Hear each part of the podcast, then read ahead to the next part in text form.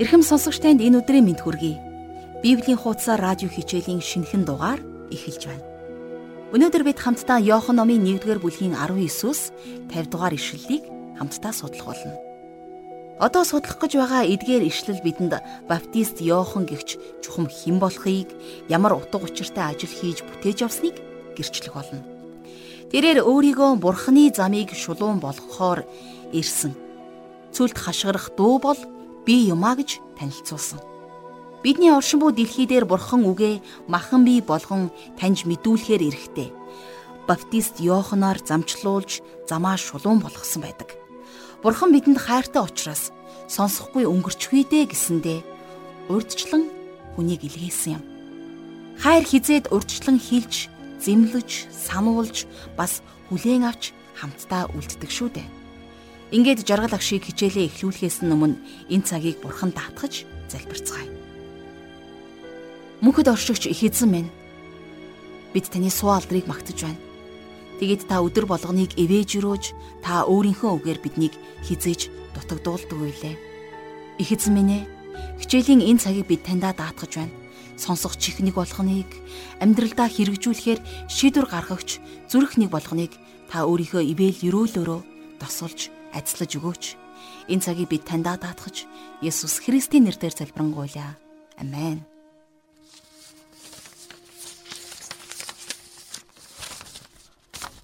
За Иохан номыг судалж байгаа өнөөдрийнхөө судлалыг хамтдаа Иохны сайн мэдээ номны 1-р бүлгийн 19-р ишлэлээр хамтдаа эхлүүлцгээе.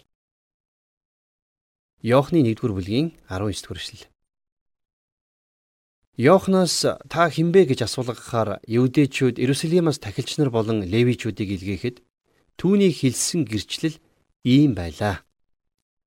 Тэгэхээр баптист химээх хочтой Йохны талаарх тэмдэглэл түүнээс асуулт асуух гэж Иерусалимаас төлөөлөгчд ирсэн талаар ийхүү 19 дэх ишлэлээр эхэлж байна.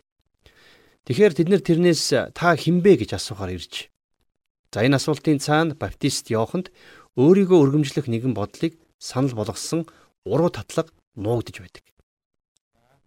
Хэрвээ Иохны сайн мэдээ номны 3 дугаар бүлгийн 30 дугаар ишлэлээс харах юм бол Иохны дагалдагч нар тэрнийг өргөмжлөхийг хүсэх үед тэр юу гэж хариулсныг та санаж байгаа бах.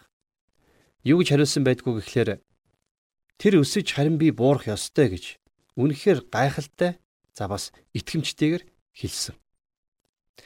Тэгэхээр мэдээж хоёр хүн хоёулаа оргил дээр байж болохгүй л дээ. Эсвэл Христ таны амьдралд тэрүүн байр суурь нь байх ёстой.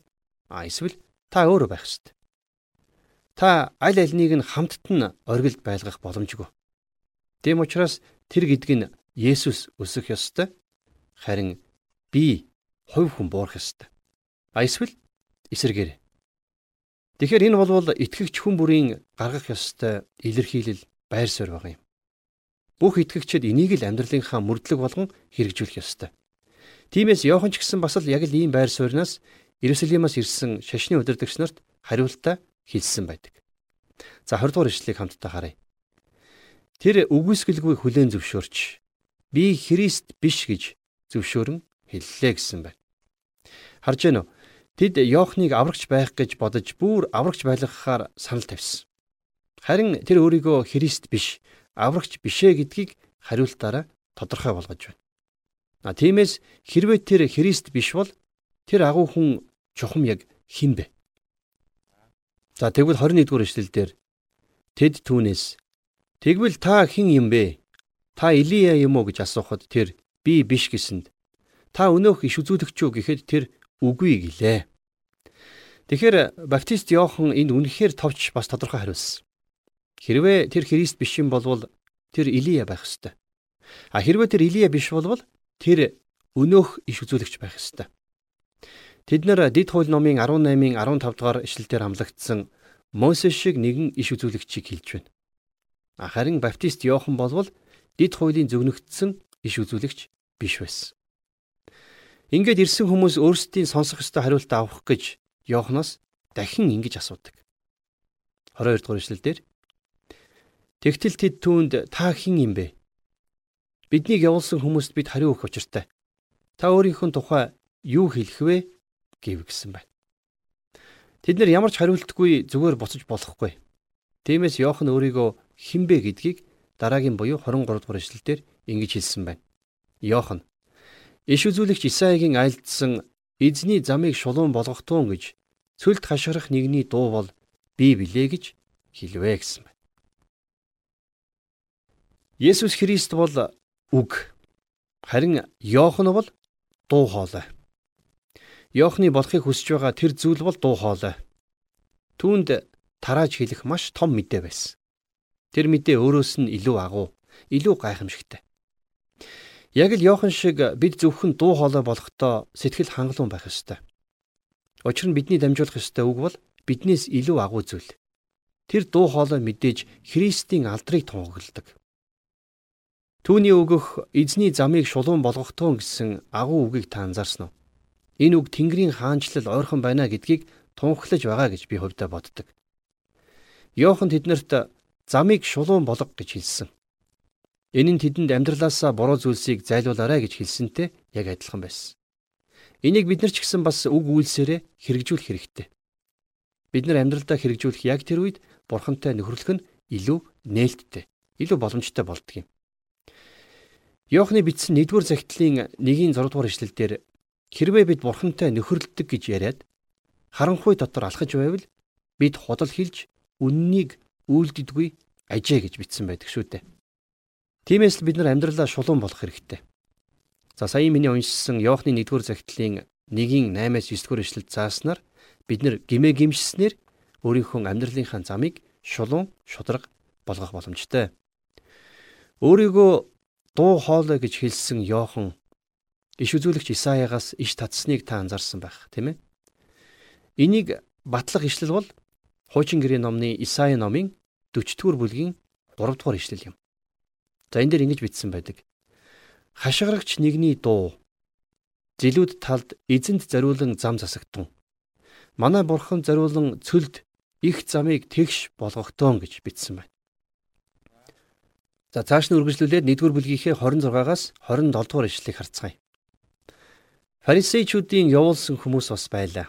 Тэд түүнээс Хэрвээ та Христ биш, Илияч биш, өнөөх иш үзүүлэгч биш юм бол яагаад баптизм хүртээн вэ гэж асуусанд Йохан. Би усаар баптизм хүртдэг. Харин дунд чинь та нарын үл таних нэгэн зогсож байна.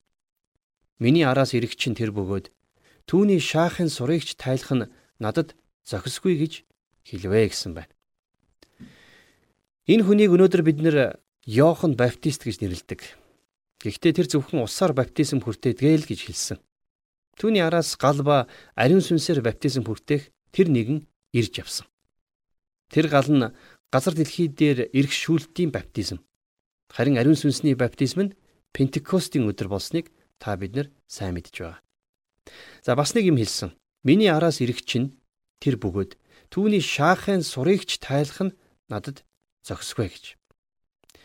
Тэгэхээр зарц эзнийхээ хэлсэн даалгавар бүрийг хийдэг. За яг энэ шиг дагалдагч багшийнхаа гутлын оосрыг тайлахаас бусад бүх үүрэг даалгаврыг хийх ёстой. Энэ бол тухайн үеийн дүрэн байсан. Тэгэхээр Йохан өөрийгөө зарц гэж хэлж байна. Тэр дагалдагч биш зүгээр л нэгэн зарц. Харин Йохан номын 1-р бүлгийн 28-аас 29-р эшлэлдэр Йохан өөрийнхөө үг үйлдэлээрээ бидэнд өн мөнхөөс ирсэн тэр нэгний үг нь махан бий болж тодорхой газарт тодорхой цаг хугацаанд оршин байгааг харуулдаг. За юу гэж байдгүй гэхээр 28-аас 29 дугаар ишлэлдэр энэ явдал Иохны баптизм хүртэж байсан Йордан голын тэртех Битанд болсон юм. Дараа өдөр нь Иохан өөр рүү нэрж яваа Есүсийг хараад ертөнцийн нүглийг үргэж Бурхны хургийг харахтун гэсэн байна. Иохан түүнийг энд аврагч гэж онцолж байна. Тэр үнэхээр агуу аврагч. Учир нь Есүс бол Бурхны хураг. Тэр төгс аврагч. Учир нь тэр хүн төрлөختний гмийг үүрсэн. Тэр агуу хүчрэхийг аврагч. Учир нь тэр дэлхийн гмийг өнөөдөр ч гэсэн үүрсэн. Тэр үрд мөнхийн аврагч. Яагад гэвэл тэр гмийг үүрдэг гэдг нь одоо цагт ч гэсэн хэрэгжинэ. Хинч хизээч түүн рүү ирж болно гэдгийг энд илэрхийлэн харуулсан байна. Тэгэхээр эндээс бид нэр Авраамийн өөрийнхөө хүү Исаакт олон жилийн өмнө өгсөн хариултын биеллийг олж харж болно. За Эхлэл номын 22 дугаар бүлгийн 7-оос 8 дугаар ишлэлийг эргүүлэн харах юм бол харах тун гал ба мод энд байна. Харин шатаалт тахилын хураг хаана байгаа вэ гэж Исаак ааваас асуусан. Харин Авраам түүнд хариулахдаа "Хүү минь, Бурхан шатаалт дахил зориулан хургаар хангана" гэж хариулсан. Тэгэхээр Йохан бидэнд Есүс бол Бурханы хураг гэдгийг хэлсэн байна. За энэ нь болвол Каины буруу Абелийн зөв байсан гэдгийг давхар баталж байдаг юм. Абель бурханд өргөх өргөлдөө зориулж нэгэн бяцхан хургийг авчирсан. Тэгэхээр еврейн тахилын ширээн дээр олон жилийн турш алагдсан бүх хургууд түүн дотор буюу Есүсийн дотор л биелэлээ олдог. Йохан энийг онцолж байна. Дэлхийн гмийг үргэж бурхны хургийг харахтун гэж Йохан 30 31 дугаар ишлэлээрээ Есүсийг болвол жинхэнэ баптизм хүртээгч ирж байна гэдгийг л бидэнд зааж хэлсэн байдаг. 30-аас 31 дугаар ишлэлийг хамтдаа харцгаая. Энэ бол түүний тухай. Миний араас ирэх хүн миний тэргүүн байсан. Яагад гэвэл тэр надаас урд оршин байсан гэж миний хэлсэн тэр мөн. Би түүнийг таниагүй. Гэвч тэр Израильд илчлэгдсэн байхын тулд би усаар баптизм хүртээхээр ирсэн гэвэ гэсэн байна. Бид нэр түүнийг баптизм хүртээгч Есүс гэж дуудаж болно. Тэр бол ариун сүнс ба галаар баптизм хүртээх тэр нэгэн юм. За цааш нь 32-оос 36 дугаар ишлэгийг харъя. Йохан гэрчилж Сүнс Тэнгэрээс тагтаа мэт буун ирж түүн дээр тогтхыг би харсан. Би түүнийг таниагүй. Харин усаар баптизм хүртээдэг гэхээр намайг илгээсэн тэр хиний дээр сүнс тагтаа мэт буун ирж тогтхыг чи харна. Тэр бол сүнсээр баптизм хүртээгч мөн гэж надад айлдсан юм. Би харсан. Энэ бол Бурхны хүү мөн гэдгийг би гэрчилж байна гэж хэлв. Дараа өдөр нь Йохан хоёр шавтайгаа дахиад л зогсож байлаа. Есүсийн явж байхыг тэр хараад Бурхны хургийг харах туун гэсэнд за энд төр зогсъё. Тэгэхээр Йоханд Бурхны үг махан бий болж ирэхийг тэр нь ариун сүнс бас галаар баптизм хүртээгч болохыг өмнө нь Бурхан хэлсэн байна. Тэр нь дэлхийн гмийг үүрэгч Бурхны хург байсан. Тийм ч учраас Есүсийг хараад Баптист Йохан Бурхны хургийг харахтон гэж хэлсэн байна. За цааш нь харъя 37-оос 39 дэх эшлэл. Хоёр шавь нь түүний хэлхийг сонсоод Есүсийг дагав. Есүс эргэж тэдний дагаж байгааг хараад тэднээс "Та нар юу ирнэ вэ?" Гэж асуусанд тэд түүнд "Раби, та хаана буудлаж байна вэ?" гэв. Есүс тэдэнд "Ир, та нар харна" гэж айлдсанд тэд түүний буудлаж байгаа газарт очиж үзээд тэр өдөр түүнтэй хамт буудаллав. Учир нь тэгэхэд ойролцоогоор 10 дугаар цаг болж байлаа гэсэн байна. За дээр өгүүлэгдсэн раби гэдэг үг болвол за еврейгээр багшаа гэсэн утгатай үг байсан. Тэгэхээр Есүс өнөөдөр ч гэсэн танд яг л энэнтэй адилхан урилгыг өгч байна. Ирээд хар гэж, тийм ээ? Эзэн сайн гэдгийг амсаад үз гэж. Тэгэхээр дуул номон дээр яг энэ дуул байдаг. 34-ийн 8 дээр ирээд хар эзэн сайн гэдгийг амсаж үз. Түүний дотор хорогддог хүн юутай өрөөлтэй вэ гэж түүнийг гэрчилсэн байдгийг санаарай. Йохан өөрийнхөө номонд Андрийн гэрчлэлийгч бас орхиогүй бичиж үлдээсэн байдаг. Йохан Баптистийн дагалдагч байгаад Есүсийг дагсан хоёрын нэг нь Андрэ байсан. За түүний хийсэн эхний зүйл болвол өөрийн ах Симоныг дагах байсан. За 40-оос 42 дугаар ишлэгийг харъя. Йоохны хэлснийг сонсоод Есүсийг дагсан хоёрын нэг нь Симон Петрийн дүү Андрэ байжээ. Андрэ эхлээд өөрийн ах Симоныг олоод түүнд бид Месияг оллоо гэд. За Месия гэдэг нь грекээр аврагч, за Христ гэсэн утгатай үг. Түүнийг Есүс рүү авчирв. Есүс түүн рүү хараад Симонд чи бол Йоохны хүү Симон байна. Чамайг Кеф гэж нэрлэх болно гэлээ гэсэн байна. За Кеф гэдэг үг бол грекээр Петр гэсэн утгатай үг байсан. За Симон гэдэг энэ хүн болвол маш ус шиг тийм сул дорой хүн байсан. А бидний эзэн тэрнийг чулуу шиг хүн болно гэж түүнд хэлж байна. Тэгэхээр энийг сонссон хүн бүр тэр өдөр инээсэн гэж би боддог. Учир нь яагаад вэ гэхээр хинч тэрнийг 3000 хүмүүсийг чуулганд нэгтгэх анхны тэр агуу том сургаалыг номлохоор хад шиг хүн болно гэдэгт итгээгүй. Симон Петрийн номлолыг Үйлс номын 2 дугаар бүлгийн 40-оос 41 дугаар ишлэлдэр бичиж үлдээсэн байдгийг талаар санаж байгаа бах тийм ээ. Тэгвэл одоо бүгдээ хамтдаа тэр хуудсыг дахин сөхөж хамтдаа уншицгаая. За Петрийн ингэж номлосон. Тэр өөр олон үгээр гэрчлэн энэхүү завхруулагч үеийнхнээс аврагдаг тун гэж тэднийг синхруулж байлаа. Ийхүү түүний үгийг хүлээн авсан хүмүүс баптизм хүртцгээв. Тэр өдөр 30000 орчим хүн нэмэгдэжээ гэж түүхэн тэмдэглэгдэн үлдсэн байна. За харин одоо Филиппийн гэрчлэлийг Иохан номонд хэрхэн дурдсан байгааг хамтдаа харцгаая. За 43-аас 44 дугаар эшлэлдэр дараа өдөр нь Есүс Галил руу явхаар завдан байхдаа Филиппийг олоод түүнд намайг даг гэв. Филипп Андрей Симон нарын хот болох Битсайдаас иржээ гэсэн байна. За Битсайд гэдэг энэ хот болвол Галил нуурын тэртээ байдаг. Петр, Андрей, Филипп нар тэнд амьдардаг байсан. Тэд нэр загасчд байсан л да. Филипп Натанелд бурхныг дараа нь ингэж гэрчилсэн байна. За 45-аас 46 дугаар эшлэлдэр Филипп Натанелийг олоод бид Мосегийн хуйлдаа бичсэн болон иш үзүүлэгчдийн бичсэн тэр хүн болох Йосефийн хүү Назарын Есүсийг оллоо гэсэнд Натанел түүнд Назараас ямар нэгэн сайн юм гарч чадна гэж юу гэхэд Филипп ирж харалдаа гэв. За эндээс харах юм бол Натанел гихч энэ хүн бол их л цэцэрхүү хүн байсан байна. Тэрээр Назараас сайн юм гарч ирж чадна гэж юу гэж хэлсэн. Тэр энэ үгээ хэлчихэд баг тав нь ханаж инээсэн гэдэгт би ердөөч эргэлцэхгүй байна. Харин Филиппт энэ инээдтэй байгаагүй.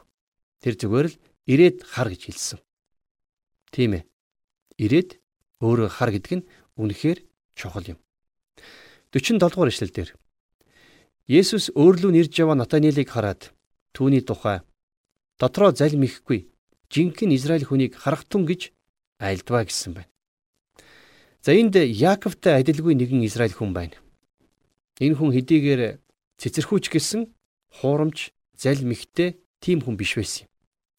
За тиймээс 48-аас 49 дугаар эшлэлдэр Натанел Есүсээс Та намайг яаж мэднэ вэ гэж асуухад тэр Филипп чамайг дуудахаас өмнө инжирийн модны дор байхад чинь би чамайг харсан гэлээ. Натанил Раби та бол бурхны хүү мөн. Та бол Израилийн хаан мөн гэж түүнд хэлвэ гэсэн байна. Эзэн Есүсийн дагалдагч нарын дунд хоёрын хоёр эргэлзэгч нар байсан. За нэг нь Натанил, за нөгөөх нь бол Томас. Назар хотоос ер нь сайн зүйл гарна гэдэгт эргэлзэгч, үл итгэгч энэ хүн яриагаа дуусгахаас өмнө Есүс бол Израилийн хаан, Бурхны хүү гэдгийг ийхүү хүлээн зөвшөөрсөн байдаг. Натаниэл эзэн Есүс бол Бурхны хүү, Израилийн хаан гэж хүлээн зөвшөөрөх үед Назараас маш чухал зүйл гарч ирсэн гэдгийг гэрчилсэн байна. 50 дугаар ишлэгийг харцгаая. Есүс түүнд Чамайг инжирийн модны дор байхыг чинь харсан гэж би чамд хэлсэн тул чи итгэж байна уу? Чи үүнээс илүү агуу зүйлсийг үзэх болно гэдгээ. Тэгэхээр эзэн тэрнийг энэ үгээрээ зэмлж байна. Тэрнийг инжирийн модон дор байхад харсан болохоор итгэж байна уу гэж түүнээс асуухтаа. Тэгэд Есүс түүнд илүү агуу зүйлсийг чи харна шүү гэж амласан. Үнэхээр ч дараачийн 3 жилийн турш Натаниэл эдгээрээс илүү агуу зүйлсийг харсан юм.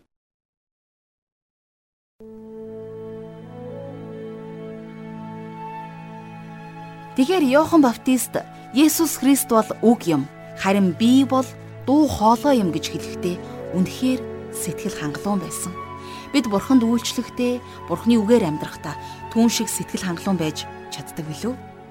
Амьдралаараа үгээрээ гэрчлэх ёстой тэр бүхэн биднээс илүү агуу зүйл гэдгийг ойлгодог билүү? Тиймээс өнөөдрийн хичээлээс ойлгож сурсан энэ л үгээрээ дамжуулж амьдралдаа мөрдлөг болгож амьдралаараа Христийг алдаршуулахын төлөө хамтдаа энэ цагийг дуусгаж залбирцгаая. Тийм ээ бид амьдралаа Йоохны чин үнэнд сэтгэл шиг шулуун болгох хэрэгтэй. Яаж шулуун болгох вэ гэж үү? Энэ л асуултын хариултыг хичээлээс олсон гэдэгт итгэлтэй байна. Тийм учраас магадгүй гимших хэрэгтэй бол гимшээд тэмэл цэвэр ариун сэтгэлээр эзнийг гэрчлэж амьдарцгаая. Их эзэн Есүс минь би таньда онцгойлон талархаж байна. Та бидний гим нүглийг уучлж амьдралаа цэвэр ариун шулуун дардан зам мэт болгоход туслаач. Бас тантай хамт байж таны үгийг амьдралынхаа цор ганц мөрдлөг болгоход та ариун сүнсээрээ биднийг дотроос мань ятгах өгөөрэй. Оргүй хоосноос бүхий л зүйлийг бүтээсэн Бурхан Аав минь таны үйлс болгоны төлөө, таны мөн чанар болгоны төлөө бид онцгойлон талархаж байна. Их эзэн Есүс минь та бидний дорой амьдралаар дамжуулж алдаршигдан магтагдах болтугай. Бүхнийг таньдаа таатгаж Есүс Христийн нэрээр залбирanгуйлаа. Амен.